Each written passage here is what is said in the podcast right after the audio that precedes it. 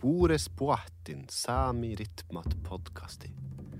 Velkommen til podkasten Samiske rytmer. Jeg heter Jakob Jansen, og jeg er en slagverker, produsent og komponist som jakter etter den samiske rytmen. Finnes det samiske rytmer, eller måter å møtes på musikalsk som er unikt kun for samisk kultur? Dette får vi kanskje svar på i dagens episode. I dag møter vi Frode Fjellheim, joikeprofessoren med moderne urmusikk. Frode Fjellheim er en sørsamisk musiker, komponist, arrangør, produsent og pedagog. Han er utdannet ved Trøndelag Musikkonservatorium i Trondheim, der han også har sin base. Frode Fjellheim er kjent som en vitaliserende og fornyende kraft innenfor samisk musikk. Hans karriere er lang og variert, men alltid utforskende mot sin egen sørsamiske kulturarv. Han har skrevet musikk og bestillingsverk til en rekke festspill og festivaler, og skrevet musikk for ulike ensembler som kor, kammerorkester, orkester, band og ensembler. Han har komponert musikk til TV, film, kunstutstillinger og teater. På 1990-tallet starta han Jazzjoik Ensemble, som senere skifta navn til Transjoik. Bandet har gitt ut fem album, i tillegg til at Fjellheim sjøl har gitt ut tre soloalbum. Fjellheim driver også plateselskapet med navnet Vueli. Frode Fjellheim ble ansatt som professor i musikk ved Nord universitet i 2010. Men han er kanskje best kjent for å ha komponert åpningslåta til Disney-filmen Frost, Frozen, i 2013 og også noe av musikken til Frost 2-filmen. Vi har altså med en virkelig legende hva angår samisk musikk, og i så måte et perfekt første intervjuobjekt. Bores Boatin, Frode Fjellheim. Tusen takk. Tusen takk. Kan ikke du fortelle litt om din musikalske vei? Ja, den er jo kanskje litt uh, Litt sånn uh, lang og uh, svingete på, på, mange måter, da. Hvis, hvis, vi skulle gå helt tilbake til scratch, så, så, begynte det vel med at mine foreldre kjøpte piano.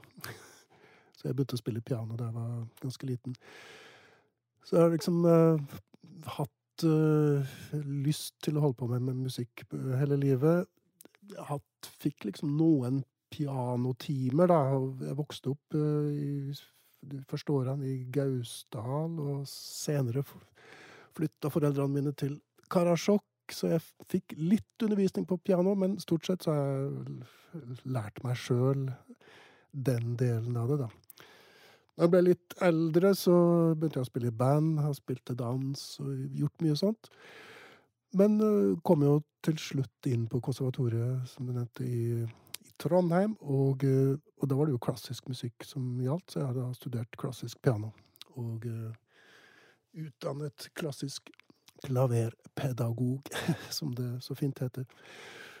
Og når jeg da var ferdig med studiene, så begynte jeg å jobbe som musiker. Først på, på Trøndelag Teater, som teatermusiker. Sånn altmulig musiker.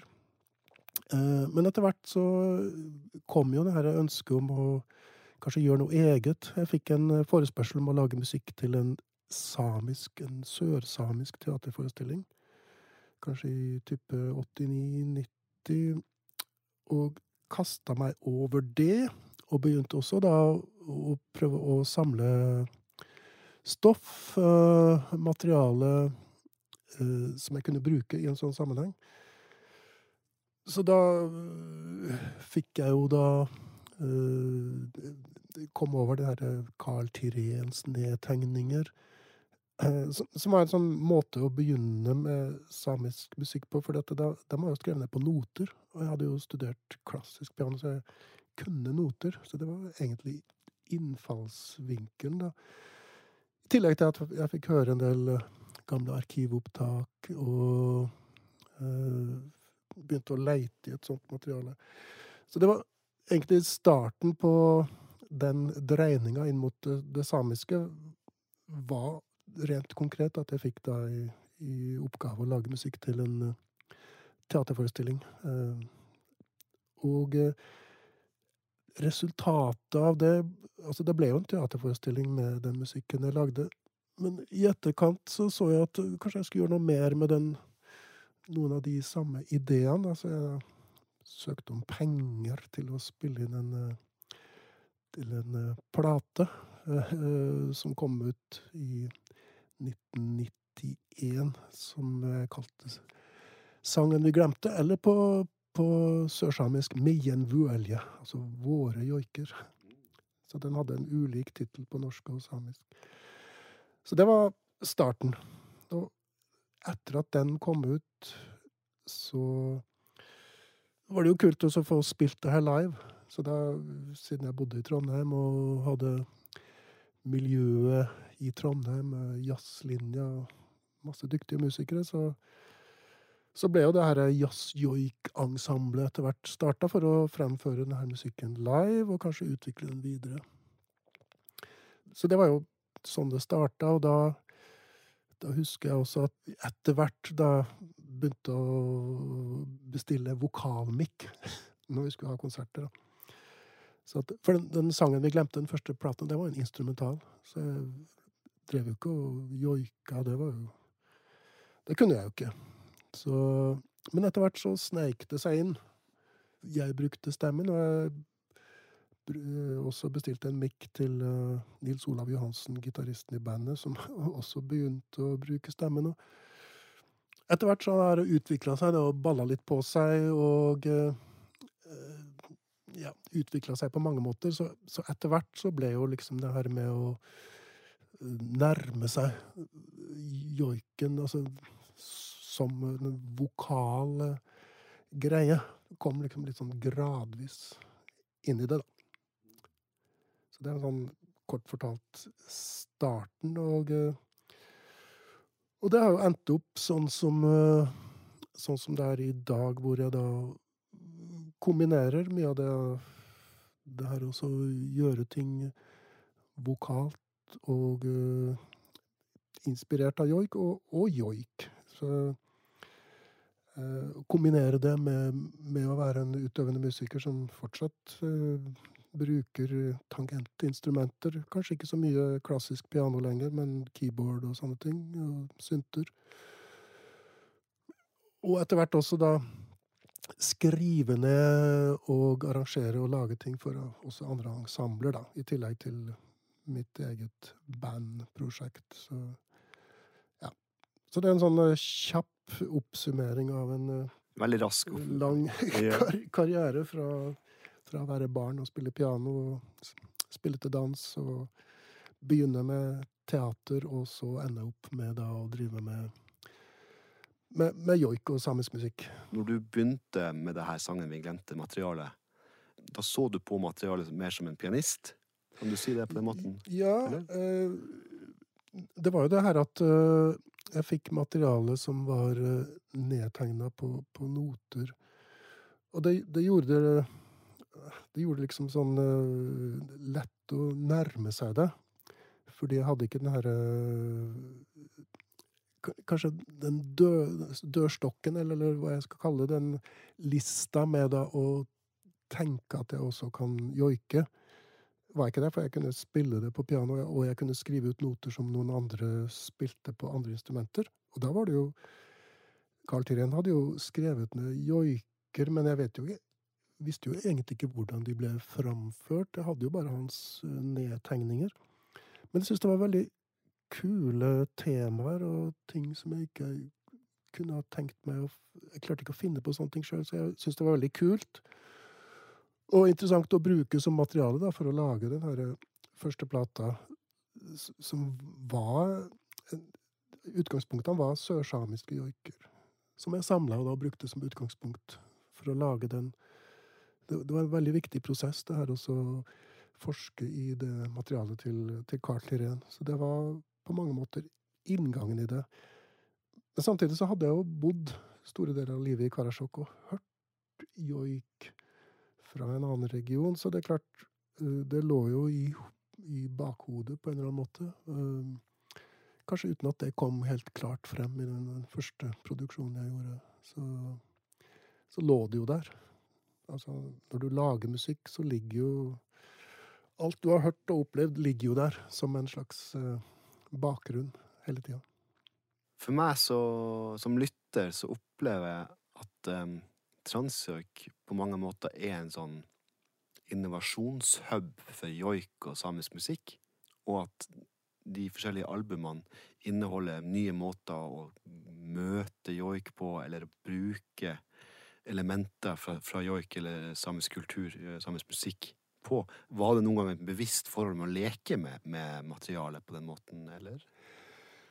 Ja, altså Transjoik ble jo et uh et veldig tydelig sånn bandprosjekt, hvor vi var I utgangspunktet var vi jo fire, fire stykker. Det var jo uh, Tor Haugerud og Snorre Bjerk som spilte perkusjon, og Nils Olav Johansen og meg, da. Nils Olav Johansen på gitar og, og vokal, og meg på keyboard og vokal. Og, og vi var jo Vi gjorde veldig mye ting sammen, da. Så alle kom jo med sine ting.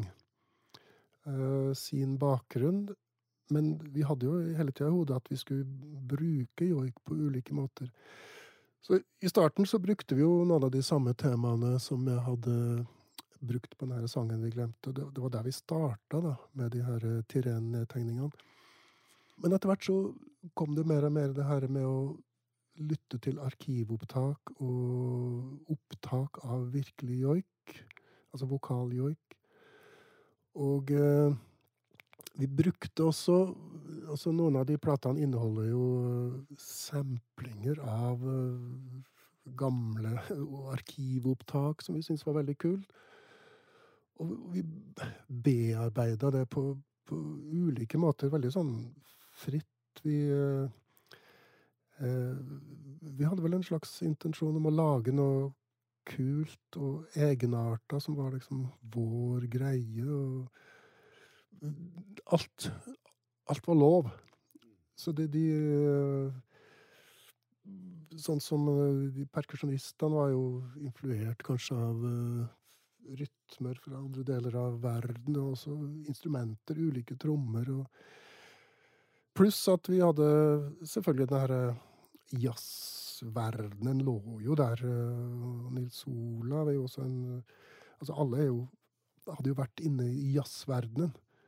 Og kanskje jeg som hadde minst erfaring i jazzverdenen, som hadde studert klassisk piano. Så det, så det, det ble jo improvisasjon Kanskje særlig i starten, mens vi het Jazzjoik-ensemblet, så ble det ganske veldig sånn tydelig jazz måte å tenke på, da. At man spiller melodien først, og så spiller man improviserer man, og så kommer man på joiken til slutt.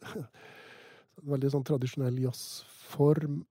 Men etter hvert så utvikla vi jo det også, da. Prøvde å lage litt nye former, og tenkte kanskje mer eh, stemninger og gruver og ting som skulle bare gå og gå.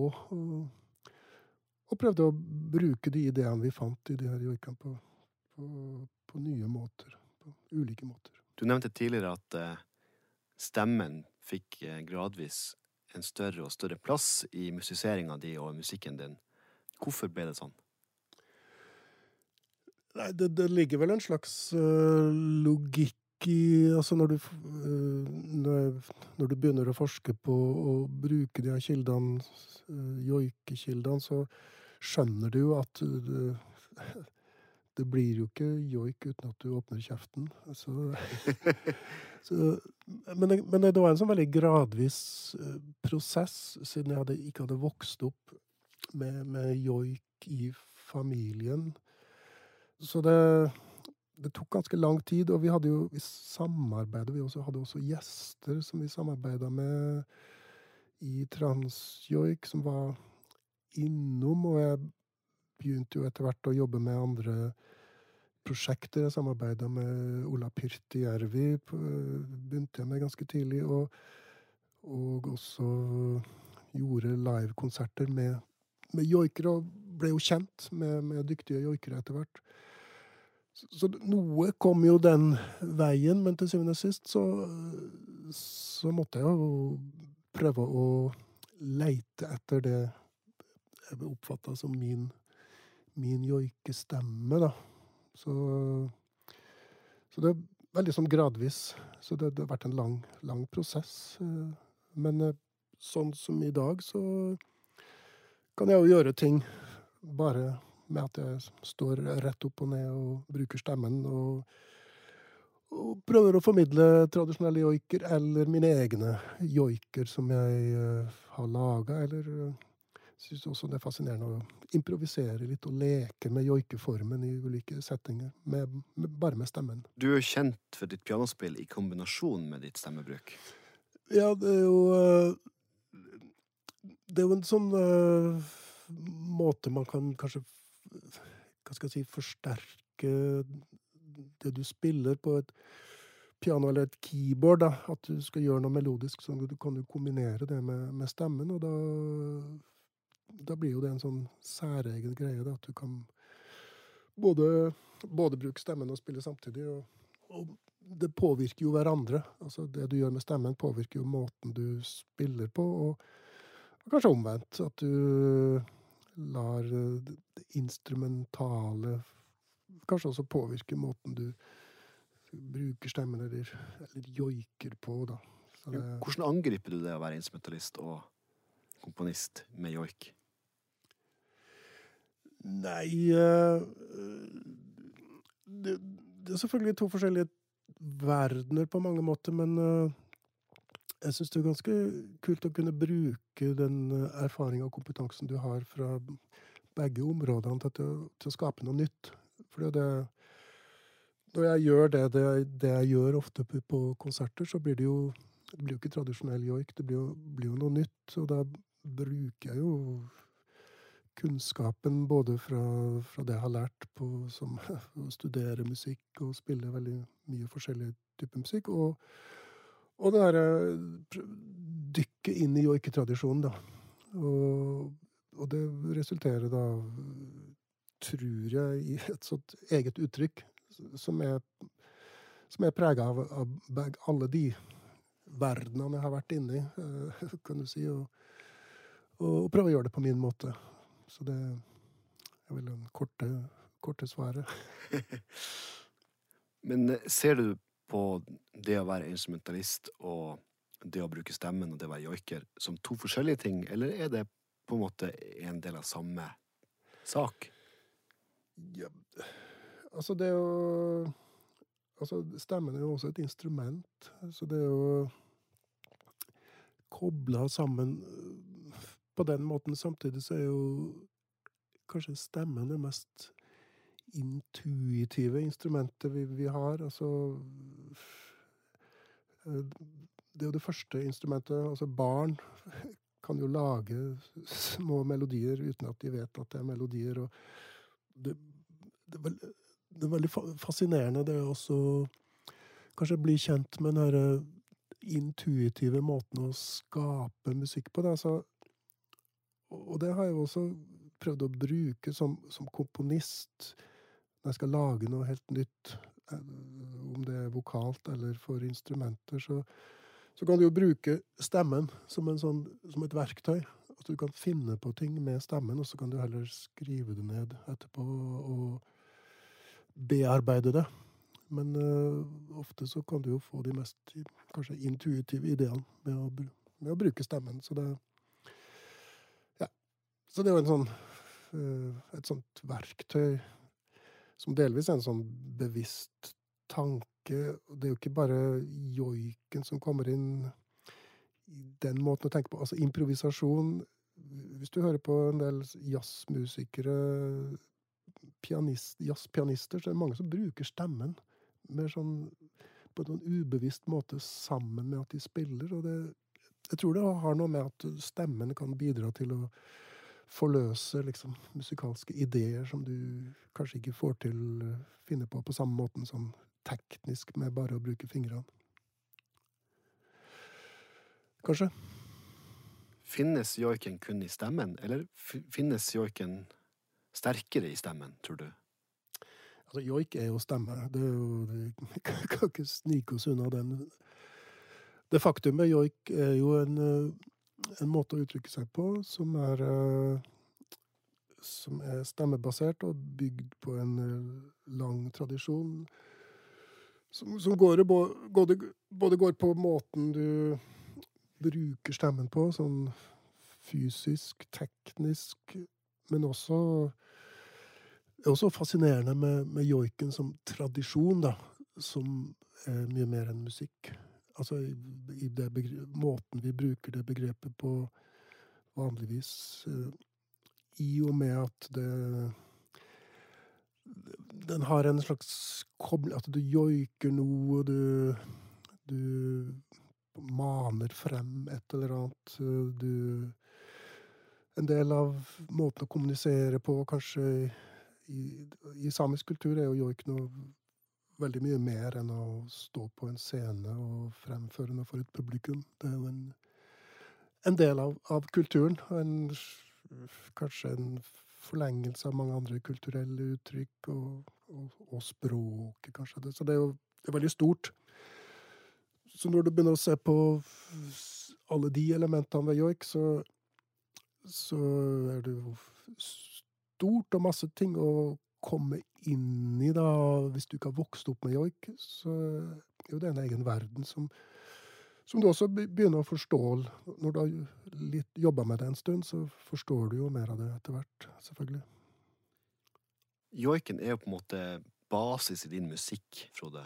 Er det riktig å si det? Ja, sånn som situasjonen er nå, så, så er liksom joiken en uh, helt sentral og avgjørende del i måten jeg både gjør og tenker musikk på, rett og slett. Eller skaper ny musikk på, da. Og det Mange som hører den musikken jeg driver med Det er ikke nødvendigvis at man eh, automatisk tenker joik, men, men inni mitt hode så har det kanskje mye av det vært, vært joik, selv om det kommer ut kanskje som noe, noe helt annet. Så det, det er blitt en del av måten å tenke, tenke musikk på. Har du noen sjangerknagger du bruker i møte med joik? All musikk du opplever og hører, blir jo en del av uh, din musikalske verden. Så det, det, kommer man seg jo ikke unna. Altså, jeg har jo vokst opp med hører på masse musikk, både klassisk musikk og pop, rock. Det ligger jo der. Men jeg syns det er veldig fascinerende å også forske på hvordan kan jeg bruke elementer i joik for å lage noe nytt, eh, kontra det å ta en joik og så tilføre en tradisjon utenfra. Så jeg prøver å være veldig bevisst når jeg gjør det ene og det andre, sånn at jeg kan eh, lære meg en joik, og så kan jeg finne ut uh, hva er det som skjer rytmisk og tonalt. Hvilke, hvilke, toner er det i den joiken? Kan jeg bruke de tonene løsrevet fra joiken, men bare på en annen måte? Men jeg har fortsatt tatt tonene fra joiken. Eller kan du bruke denne rytmen joiken har, uh, og hvis du fremfører det på et annet instrument, eller på trommer, så har du jo tatt noe fra joiken. Men da uh, på å si transformerte til noe annet, så kan jo det bli ny musikk. Uh, det blir jo kanskje ikke lenger tradisjonell joik, eller kanskje ikke blir joik i det hele tatt, men, men du bruker elementene fra joiken uh, bevisst for å skape noe nytt, men som har en eller annen forankring i den tradisjonen. Det er liksom uendelig mange måter å å finne ting i joik som du kan bruke til noe nytt. Eh, jeg tenker ofte at jeg har et slags sånn forstørrelsesglass, eller et mikroskop, og kikker på joiken, og ser fra ulike sider, forfra, bakfra, opp, ned, på hodet. Eh, både det tonale, altså hvilke toner er det, hvilke rytmer er det, hvordan varierer klangen i joiken, hvordan bruker du stemmen? Er det noen instrumenter som låter som joik, som du kan bruke på en måte? Eh, eller du kan tenke annerledes. Er det noen instrumenter som absolutt ikke låter joik, eh, som du kan bruke? Og det, det, sånn kan jeg også tenke. For eksempel at jeg skal lage noe musikk uh, hvor jeg bruker et uh, joik som ett element, og så vil jeg ha et instrument som definitivt ikke låter joik. Eh, sammen med det. Eh, ja, så, så, kan det også være kult. Og da, da er jo på en måte joiketankegangen også i det her andre instrumentet, som ikke låter joik, men bare at jeg tenker motsatt. Og det tenker også sånn eh, når jeg skal, Joik består ofte av få toner. Jeg kaller det ofte for sånn fåtonalitet. Det er liksom ofte bare to, tre, fire, fem, eller kanskje seks toner. Så da har jeg også laga ting hvor jeg bevisst har brukt alle mulige toner. Og at det er også et sånt valg, da, som Hvis du bare hadde hørt det, så tenker du at det her har ikke noe med joik å gjøre. Men, men, i mitt hode så har det det, for at jeg har liksom hatt en sånn begrensning.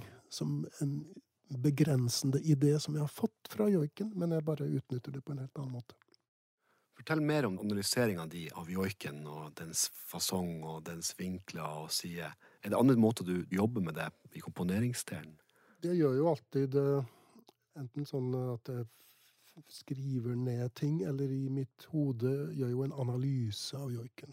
Så jeg blir jo en slags uh, forsker, da, som uh, prøver å finne ut hva som fins i joiken. Og så prøver jeg da å dra det ut av sammenhengen og legge det ut på et blankt ark og stoppe Ja, kanskje stokke om på det, og, men, men, bruke det som elementer i, i prosessene. Det, det er nesten umulig å, å forklare det uten å gi praktiske eksempler. Men, men det kan jo være sånn at uh, hvis vi skal finne på akkorder Akkorder, det er sånn Det er to eller flere toner som man spiller samtidig. Og uh, veldig ofte når man lærer å spille gitar, så bruker man akkorder som er tatt fra en sånn vestlig kultur med dur og moll og sånn. Men hvis du bruker den joiketankegangen, så kan du sette sammen de ulike tonene i joiken samtidig. Og da får du akkorder faktisk som, som verken trenger å være dur eller moll, men som en, kan gi en tøff klang på, på sin egen måte. Og da kan du kanskje bidra til å beholde litt av det den, det universet som joiken er bygd opp rundt. Så det er ett eksempel. Og, du kan gjøre det rytmisk. Uh, joiker som er veldig rytmiske, så kan du da bruke bare rytmikken i joiken og dra den ut og bruke den som en trommegruve, for eksempel. Hvis man, hvis man bruker trommer. ja, absolutt. Eh, du var jo inne på det her nå nettopp, men jeg ville bare stille det på nytt, bare for å se om det kan komme noen andre svar fra det. Har du noen sjangerknagger du bruker i møte med samisk musikk eller joik? Ikke bevisst. Men det er klart, det vil alltid skje ubevisst. Men jeg prøver på en måte å kanskje stille med, med så blanke ark som mulig. Og det, det, handler kanskje også om å utvikle en egen, egen stemme, da. Eh, men det er klart, når jeg lager musikk, så er det jo, det er veldig lett å analysere seg fram til at her har jeg brukt elementer fra andre sjangere. Eh, I, det siste så tror jeg kanskje jeg vel så mye inne i den klassiske musikkverdenen, faktisk. Og være inspirert av klassiske komponister. Altså, det fins jo andre komponister som har brukt folkemusikk på ulike måter og transformert det til, eh, til noe sånn eh, kunstmusikk. Eh, men at det ligger liksom noe folkemusikk som et utgangspunkt, og det, det syns jeg er ganske inspirerende. Så at det Ja. Masse eksempler på sånne komponister. I vårt eget land er jo Edvard Grieg en en naturlig fyr å dra fram, som har tatt hardingfelemusikk og gjort noe helt nytt ut av. Så han, han, har egentlig gjort det på, på samme måte. Så jeg prøver å tenke litt på den måten. da, Og bruke joiken på nye måter, men at det da kommer frem noe ny musikk. Men det er klart, sjangermessig er det jo eh, jeg har jo vokst opp med, med gruver, poprock Det kommer fram. Det, ligger der. Og av og til er jeg veldig bevisst på at jeg syns det er kult liksom å ha en Altså en trommegruv som man kan gjenkjenne som en poprock-gruv, men som som jeg kanskje bruker på litt andre måter. Men, men, da er jeg veldig bevisst på at det her er ikke joik. Jeg drar inn noe annet i den musikken, og jeg har et bevisst forhold til det. For Hva tenker du er oppskriften for et godt musikalsk møte mellom storsamfunnets rytmiske musikk og joik? Et sånt spørsmål krever en, eh, en doktorgrad. Nei, det som er eh, fascinerende, er på en måte å ta joiken på alvor. At du setter deg inn i joiken som tradisjon, og eh, forstår dens oppbygning. At du lærer deg å joike, rett og slett. Det er kanskje det enkle svaret. Ja, At du prøver å lære deg joike. Altså du prøver å komme inn i den tradisjonen så, så, så, godt det lar seg gjøre, og at du da kan bruke den erfaringa for å møte en tradisjonell joiker med et annet instrument, og kanskje utvikle en ny musikk, men som tar joiken på alvor. Som har den som utgangspunkt. Det har vært masse møter mellom joik og andre musikkformer, og går man tilbake til starten, så, så kom jo liksom vestlige instrumenter. Altså, det var vel gitaren kom til Sápmi eh, en eller annen gang. Og, og, da skjer det vel også et eller annet med joiken som da må tilpasse seg instrumentet og eh, de tonene som da ligger der. Og, og det kan bli fin, artig musikk. Men det er veldig tydelig at da har det liksom kommet en tradisjon utenfra og uh, lagt et slags, uh, en slags ramme rundt joiken, som da en del joikere må forholde seg til. Ja. Ja, og noe forsvinner på veien? Eller? Ja, det kan være både tonale toner som man må liksom justere for at det skal stemme med en durakkord på en gitar. Og det kan være rytmikk som man må justere for at det skal på en måte passe. Og i det her så kommer det kanskje også kanskje instruksjon fra musikeren som kommer utenfra. Nei, men hør nå her, du må, du må jo du må starte på eneren i takta, og så må du jo må du jo ta en pause som er akkurat så lang. Hvor joikeren tradisjonelt kanskje bare har tatt en pause for å puste. Så det, det, skjer jo en del sånne ting, da. For å skape musikk som, eh, som kanskje er litt sånn eh, vestlig polert, eller tilpassa vår verden, da. Det er i hvert fall en, eh, en måte å, å, se det på. Så, så, det er klart det skjer noe. Og det gjelder jo egentlig uansett hvilken tradisjon du tilfører. Altså, det starta kanskje med at vise, visebølgen velta innover Sápmi på 60-tallet. Og så kom jo jazzbølgen, kom vel, eh, uten at jeg skal nevne for mange navn, så påvirka jo den også. Det møtet mellom nye og gamle ting. Og så, og så er det jo da utallige ulike tradisjoner har liksom møtt joiken, og man har forsøkt å løse det på ulike måter. Men det, det ser jo at det ligger et stort potensial i å, å forske videre, eller å nærme seg joiken enda dypere, da. For å lage masse kule ting hvor man kanskje har et mer fokus på joiken, utgangspunktet, og ikke noe sånn fasit på Altså skal man uh, gjøre noe moderne i dag, så må man jo Man må jo ha trommer, man må jo ha bass, man må jo ha uh, gitar eller keyboard, og uh, må man det? Masse muligheter. Ja, ikke sant? For det, det er jo liksom en, en, utvikling som har også skjedd i samisk musikk siden vestlig populærmusikk kom til Sápmi. Ja, ja. Har du noen tanker rundt det? Også din egen påvirkning i samisk musikk? Samiske artister har jo utvikla seg på ulike måter og, og har hatt ulike, ulike, bakgrunner. Altså, mye av samisk musikk er jo ikke nødvendigvis bygd bare på joik. Altså, det, det kan være uh, språk, lyrikk, dikt, som også kan gi det en, en samisk dimensjon, da, men, men, på andre måter, selvfølgelig. Men uh, det er jo egentlig ganske interessant i dag, hvor det fins så mange også unge, nye samiske artister som gjør ting på, på veldig ulik måte.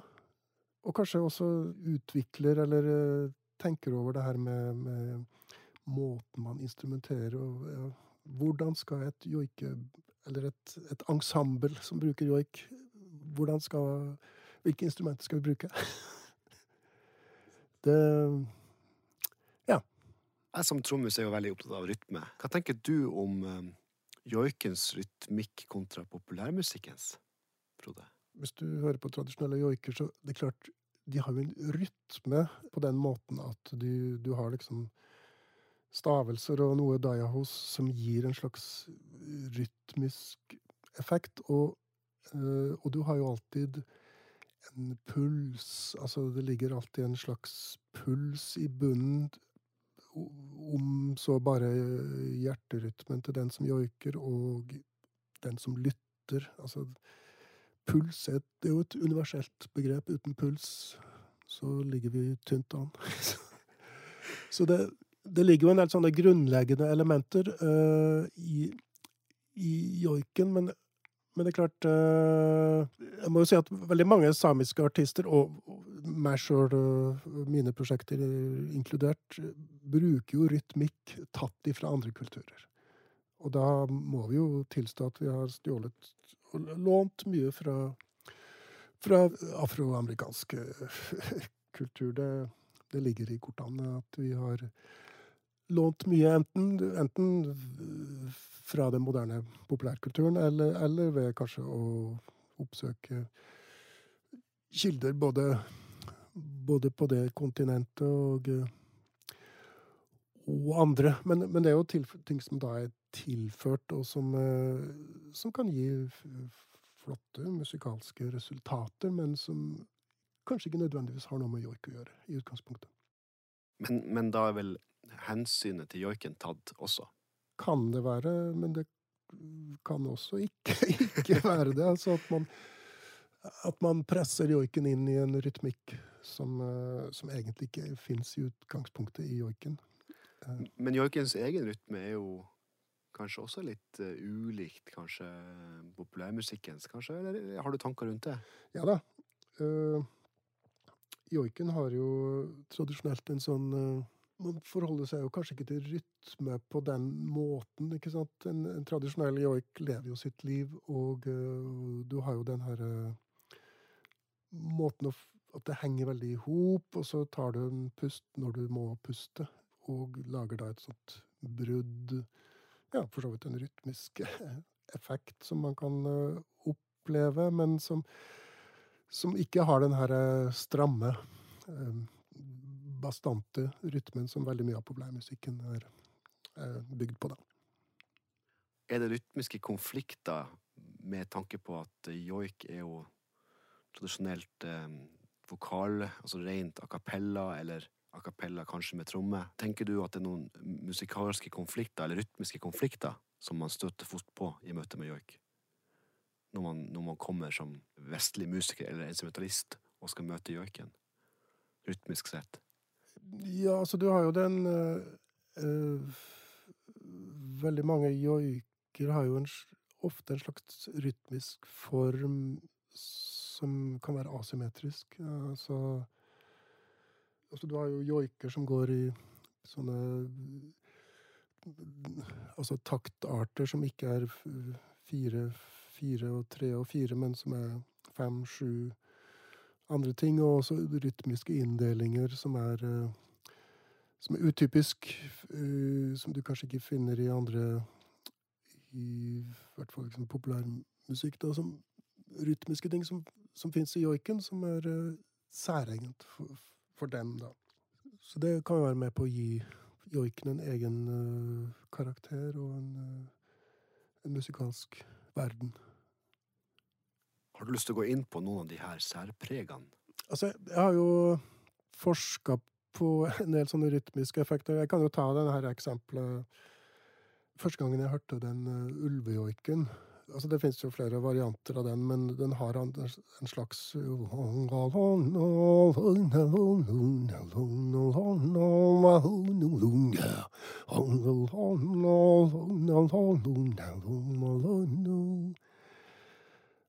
hvis du, hvis du begynner å klappe takta til den, så oppdager man at den har Kanskje, hvis vi skal stilisere den, da, som et begrep jeg kan bruke kanskje, Det er kanskje en slags akademisering av det også, men da kan du få en sånn slags inndeling som er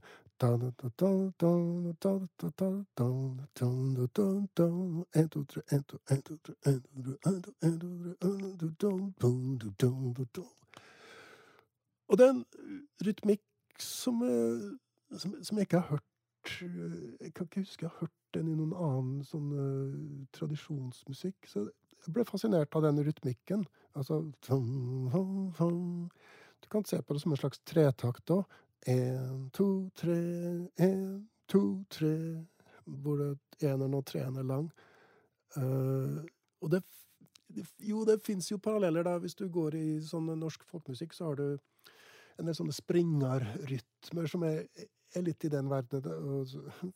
Kanskje det fins en kobling eh, der. Det er mulig. Og det syns jeg er fascinerende, så, da, så jeg har jo brukt det som utgangspunkt. Og jeg skrev jo en, en melodi til Månasol Bjejem Jaskem, som står i, faktisk står i salmeboka, der jeg lånte den rytmikken. Altså ta-ta-ta-ta-ta-ta-ta. Bjejem i askem, neste i Så da den melodien er faktisk lånt, skapt med utgangspunkt i den rytmikken som er tatt fra en ulvejoik, men det må du ikke si til noen. Så da har vi faktisk et konkret eksempel på, på joikens unike rytmikk. Ja. Joiken har jo selvfølgelig en rytmikk, men, men det er klart, når du da forsterker den rytmikken, så kaller jeg det Jeg bruker ofte begrepet å stilisere den. altså Du kanskje forenkler den på en måte, eller du du bruker et slags forstørrelsesglass på dine premisser, på en måte. da Du, du, du finner den rytmen, og når du forstørrer den og gjør den så tydelig som jeg gjør det for eksempel nå, så, så blir det jo noe litt annet, da. Men likevel. Den ideen kommer fra joiken.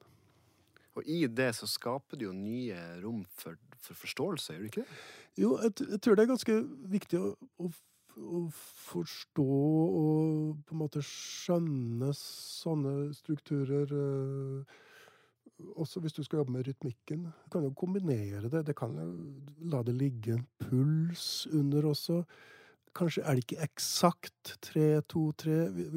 Det kan være sånn nesten. Og så kanskje kan det være vel så relevant å tenke én, to, tre, én, to, tre og dermed eh, skape en litt mer sånn flytende rytmikk enn om man liksom deler det opp i sånne underdelinger, som vi kaller det, som jeg demonstrerte her i sted, med at du, har tjok, tjok, at du gjør det veldig stramt. Men likevel så er det jo en rytmikk som er tatt Altså du Ideen kommer fra joiken. Hva tenker du om joikestavelser og rytmikken som finnes i joikestavelser, Frode? det ligger jo en del veldig konkrete staver. Altså, hvis man bruker konsonanter veldig No, yo, he, ha, kumena Men i det oss, i, altså i orkestravelser, hvis vi bruker det begrepet, så ligger det jo en del ting som kanskje kommer fra det samiske språket, hvor du, hvor du har ofte Du har også en del diftonger og ting som er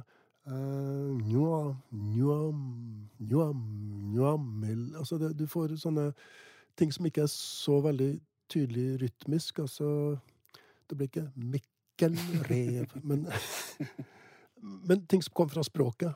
Så, kanskje det med diftonger eh, det er jo en sånn veldig språkteknisk ting som kanskje påvirker rytmikken litt. At den får en egen schwung og karakter.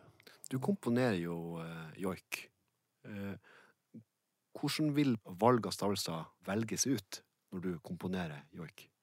Altså, de, de dyktige joikere velger ikke stavelser tilfeldig, eller de gjør det jo ofte veldig intuitivt, men bidrar jo på en veldig naturlig måte å skape en slags fremdrift i joiken, sånn at den, den har en, en, tydelig fremdrift. Det, det, er kanskje den mest viktige egenskapen med det. Så, så det er jo en kunst så er jo intervjua en del joikere som kan ikke forklare hvilke stavelser som skal være først, eller starte og sånn, men de, men de gjør det veldig intuitivt, på en måte som skaper eh, magien. Denne her framdriftsmagien som ofte finnes i joiken. For en person som kanskje ikke er så bevandra i samisk musikk, det her med joikestavelser, er det en intuitiv praksis, tror du? Jeg tror det er veldig intuitivt. Altså, jeg tror det er en veldig viktig del av tradisjonen. Og det er kanskje noe av, uh, av det som kan skille, eller du kanskje avgjøre Eller du kan høre om det er en uh, erfaren joiker, eller om det er en som akkurat har lært seg å joike. uh, tror jeg. Ja. Så en erfaren joiker vil nok kunne pukke på sikkert min bruk av joikestavelser og uh, og, og andre som, eh, som, som, er, som, har lært seg eller prøver å trenge inn i introduksjonen. Så, og det er også, varierer også veldig fra område til område. Sápmi er jo et gigantisk område, så det er jo veldig ulike tradisjoner og måter å også bruke stavelser på. Det. Så at, eh, det er også en viktig, viktig, del av det. Da. Og en viktig del av å være bevisst de ulike tradisjonene som, som fins. Kan du fortelle litt om hvordan en joik blir til for deg? Altså, jeg prøver jo å bruke det her eh, Altså det med at joiken skal beskrive noe, da. Så jeg, jeg har jo laga veldig mange joiker som er veldig sånn konkret kobla til f.eks. For grafisk form. At du, skal du beskrive et fjell, så begynner du nede, og så går du oppover, og så går du ned igjen. Og, og, det, og det, kan jo da også lage en liten melodi, ikke sant, som, eh, som du kan kalle inspirert av joik, fordi du, fordi du joiker noe. Altså du beskriver det veldig tydelig. Det er jo veldig forenkla og enkelt, men, men det fins mange nedtegna joiker i arkivene som, som, er veldig tydelige på det her. F.eks. beskrivelse av fjell som er veldig tydelig inspirert av formen på fjellet. Og det var også noe Carl Tirén var veldig obs på. I hans håndskrevne nedtegninger av joik, hvor han har nedtegna naturjoiker, så har han også tegna fjellet parallelt med notebildet for å vise at han, han skjønte denne koblinga. Og det er jo noe som jeg kan bruke aktivt når jeg, når jeg joik, lager joiker. Altså jeg kan tenke på et eller annet objekt som jeg, skal være utgangspunktet for joiken. Og, og, det kan være så konkret som den grafiske, men det, det kan jo også være mer indirekte. Da, at du at du lar deg inspirere av en bevegelse til et eller annet, eller og, og det, jeg bruker jo også joikestavelser bevisst, og i min eh, Når jeg gjør min musikk, så er jeg også litt bevisst å bruke ting som jeg vet ikke er vanlige joikestavelser. Oh, ja. Bare for å kanskje gjøre det litt personlig og eget og Men, men det, det, det, er litt bevisst, så jeg kanskje etter hvert så utvikler du kanskje en del sånne varianter som du, du syns er kul.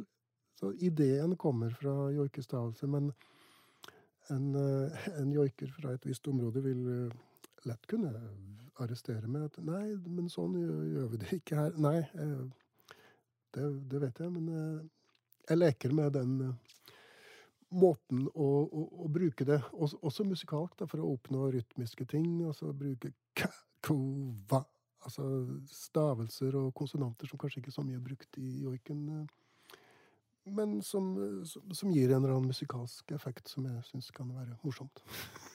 Spennende. Du skriver jo også mye musikk for kor. Og der eh, finnes også joiken. Nei, altså Når jeg skriver for kor, så forholder jeg meg jo til at uh, et kor ikke nødvendigvis har noe tradis altså de, tradisjonskunnskap. De kan ikke joike nødvendigvis. Så jeg prøver å bruke elementer av joik, men, men notere det på en sånn måte at uh, i hvert fall deler av det kan ha en sånn joikeaktig klang.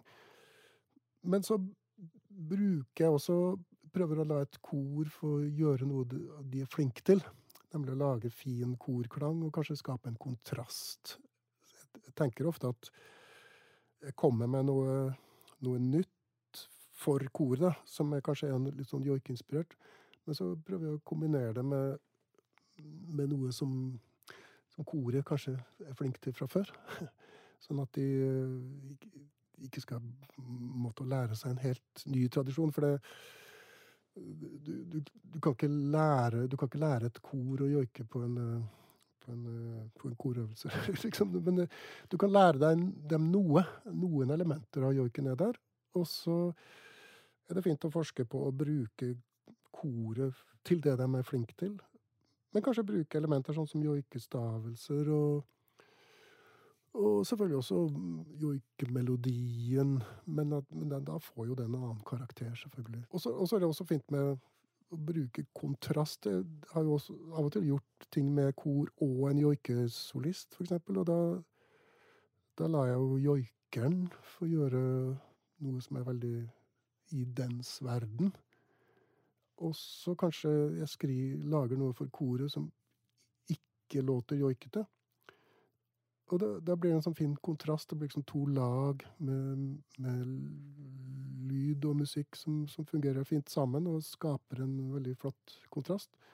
Akkurat som om joikesounden blir mer joikete fordi det er et kor som er ikke-joikete i bakgrunnen.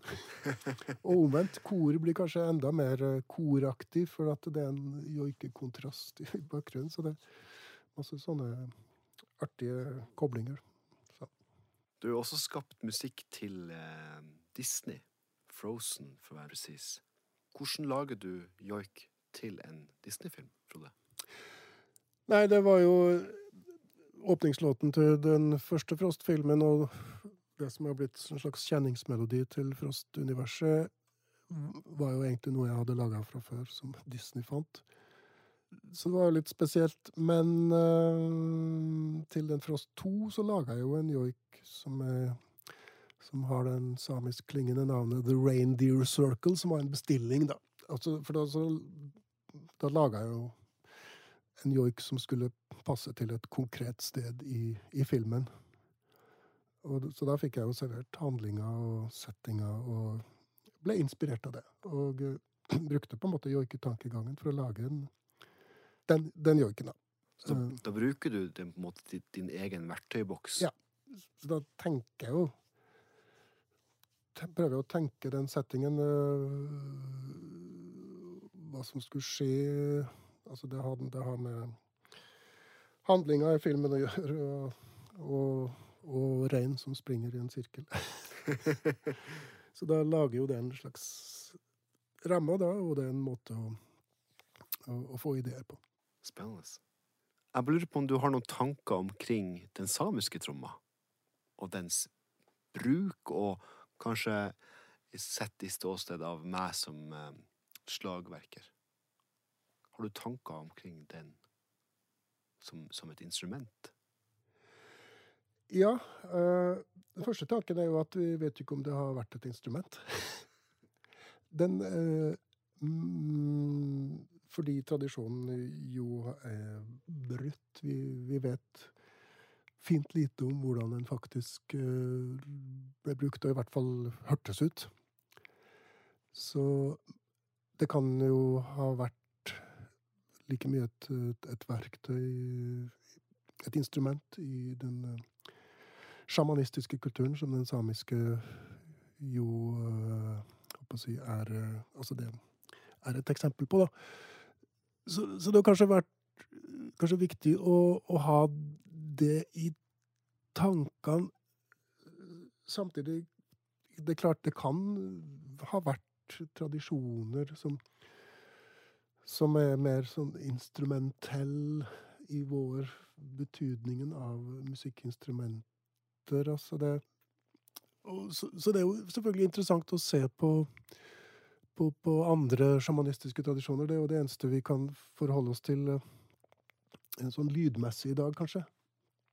Men uh, jeg, tror, jeg, tror, det er viktig å se det fra begge de perspektivene. Da. At uh, tromma kan ha vært et instrument. Det kan være et redskap. Uh, Men den er jo Fysisk så er den jo eh, noe som lager lyd. Og den har jo vært brukt og spilt på. Og hvis det har blitt joika samtidig, hvilket vi må anta, så er det jo klart både Altså, tromma vil selvfølgelig påvirke joiken, og, omvendt.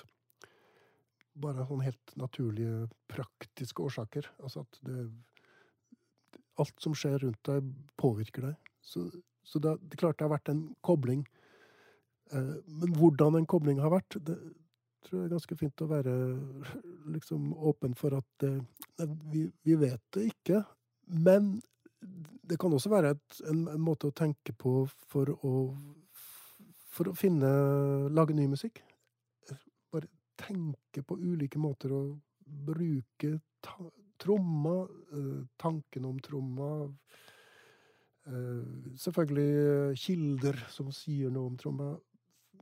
Kan være et fantastisk utgangspunkt sammen med joiken for å skape ny musikk. Ser du på tromma som et instrument, Frode? Ja, jeg bruker jo tromma. Og jeg gjør det jo øh, som, som utøver. Så, så, så bruker jeg tromme.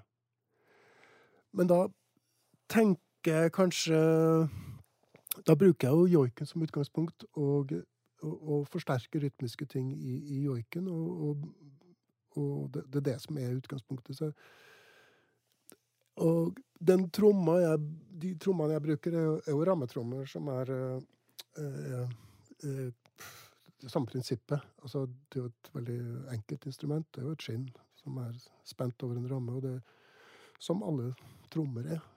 Men jeg har på en måte ikke forska på Eller jeg har ikke sett det som viktig i, i min verden Og så, så tenke at det skal låte som en, en gevrie eller en, en, en tradisjonell samisk tromme. Altså det, det har ikke vært min, min tanke. Så jeg jeg velger faktisk bevisst trommer som, som ikke ligner altfor mye. Uh, men som, som, gir en sånn musikalsk effekt jeg syns er interessant, sammen med joiken. Du syns likevel at trommer og joiken har noe sammen å gjøre? på en måte? Jeg liker trommer. Ja. Og med joik så, så gir det en dimensjon? Det gir, altså det gir jo en, en, en, forsterkning av det jeg Når jeg joiker og bruker tromma, så for, bruker jeg tromma for å forsterke joiken. og at du kan gjøre ting samtidig og skape rytmiske effekter, er jo veldig uttrykksfullt og sterkt. Og man, du, folk Mottakeren Du formidler et eller annet som, som, som, som, jeg tror altså folk blir berørt av det. Altså det, det treffer på en, en, eller annen måte, da. Og det har jo med lyden av tromma og hjerterytme Det er jo en sånn universell greie, da, med puls, rytme Ja. Uten puls stopper det meste. Det er uh... Og så er jo kanskje tromma også Det har noe sånn direktehet ved seg. Ja, det er jo, det er jo enk, enkelt i anførselstegn. Altså, det er jo Alle kan, alle kan lage lyd i en tromme. Det, og eh, det er jo litt sånn basalt ved det. Altså, det er noe vi lett kan gjenkjenne. Altså puls, skritt må vi Vi går i en viss rytme. Vi beveger oss og har på en måte rytmiske mønster ut fra det. Vi puster i en viss rytme. Så det, det ligger masse ting som er overførbart til, til tromma som, som, som, som, fenomen, hvis du kan snakke om det. Eller Ja. Så så det er, jo, det er jo ikke uten grunn til at uh, tromme er liksom en veldig viktig del av også populærkulturer og det som er blitt en del av folks liv i dag. Hvis du ser på utviklinga i, i, samisk musikk, så den de, Altså tromma i, som samiske artister har brukt, eller mange samiske artister har brukt, er jo, er jo kommet fra andre kulturer. Altså det er jo vi, den, den, måten vi bruker trommer på, er jo ofte stort sett inspirert av afroamerikansk uh, kultur. Sånn er det jo. Men, men, det er klart, tanken, eh, tanken på at den tromma har, eh, har vært en del av samisk kultur, er jo, er jo viktig og veldig riktig å erkjenne. Men akkurat, det er klart, akkurat måten man da bruker det på, jo, kan jo være litt forskjellig, da. Må forskes på, kanskje. Det det er, det er utgangspunktet for en, eh, en ph.d. Jeg har begynt på et stipendiatprogram med arbeidstittel samisk rytme. Jeg lurer på om du har noen innspill og tanker på hva du synes jeg, jeg burde fokusere mitt arbeid på, eller hvis du har tanker om hva er viktig i forståelsen av samiske rytmer. Du bør jo lære deg å joike. Det er jo Det må jo liksom være utgangspunktet. For det er jo, det er jo joik. Og kanskje språk. Som er utgangspunktet for det. Hvis du skal bruke begrepet samisk rytme, så er det kanskje de, de to tingene som er utgangspunktet. Så det, det er jo viktig å på en måte dukke litt inn i det, og kanskje Altså, du, du kan jo velge å fokusere veldig mye på et område, eller et veldig sånn selektert utvalg joikere. Men jeg tr- tror også det kan være interessant å se på ulike deler av den, den samiske tradisj- altså joiketradisjonen fra ulike områder. Og, og lage deg ulike forstørrelsesglass og måter å se på joiken på. Og kanskje finne din måte å eksponere ulike rytmiske ting som du finner i joiken, men leite Altså, jeg har leita etter eh, ting i joik nå i, i over ja, 30 år. og finner stadig nye ting. Så det er et eller annet med å være nysgjerrig. Og eh, kanskje litt gal. Tenke, prøve å tenke på forskjellige måter. Eh, Snu på ting. Høre på joik. Fremføre joik. Eh, Ja, gjøre det i ulike tempoer. Ja. Og selvfølgelig kanskje bruke ulike verktøy. Du har jo tromma, og vil også ha brukt brukt deg sjøl innspillingsverktøy og stemmen din, og blitt kjent med rytmikken i din egen stemme, og kanskje oppdaga ting gjennom det. Kanskje. Det er i hvert fall en, en måte å tenke på. Men jeg tror aldri du går tom for ideer hvis du faktisk dykker inn i tradisjonen. Så tror jeg selv etter å ha holdt på med et sånt prosjekt som du gjør nå, så, så vil du kunne fortsette med det i, mange år etter at du har levert den. Ja. Tusen takk for at du tok deg tida, Frode. Bare hyggelig. Lykke til. Takk. Ollogit og Frode Fjellheim. Og tusen takk for at du har lytta på. Musikken som har blitt nevnt i denne episoden, ligger i en spilleliste. Og linken til den finner du på Instagram-kontoen samirytmat, Samiske rytmer. Hvis du har innspill til podkasten eller ønsker å komme i kontakt med meg, så kan du nå meg via Instagram på samirytmat, samiskrytmer, eller via e-post til jakobjansson at gmail.com.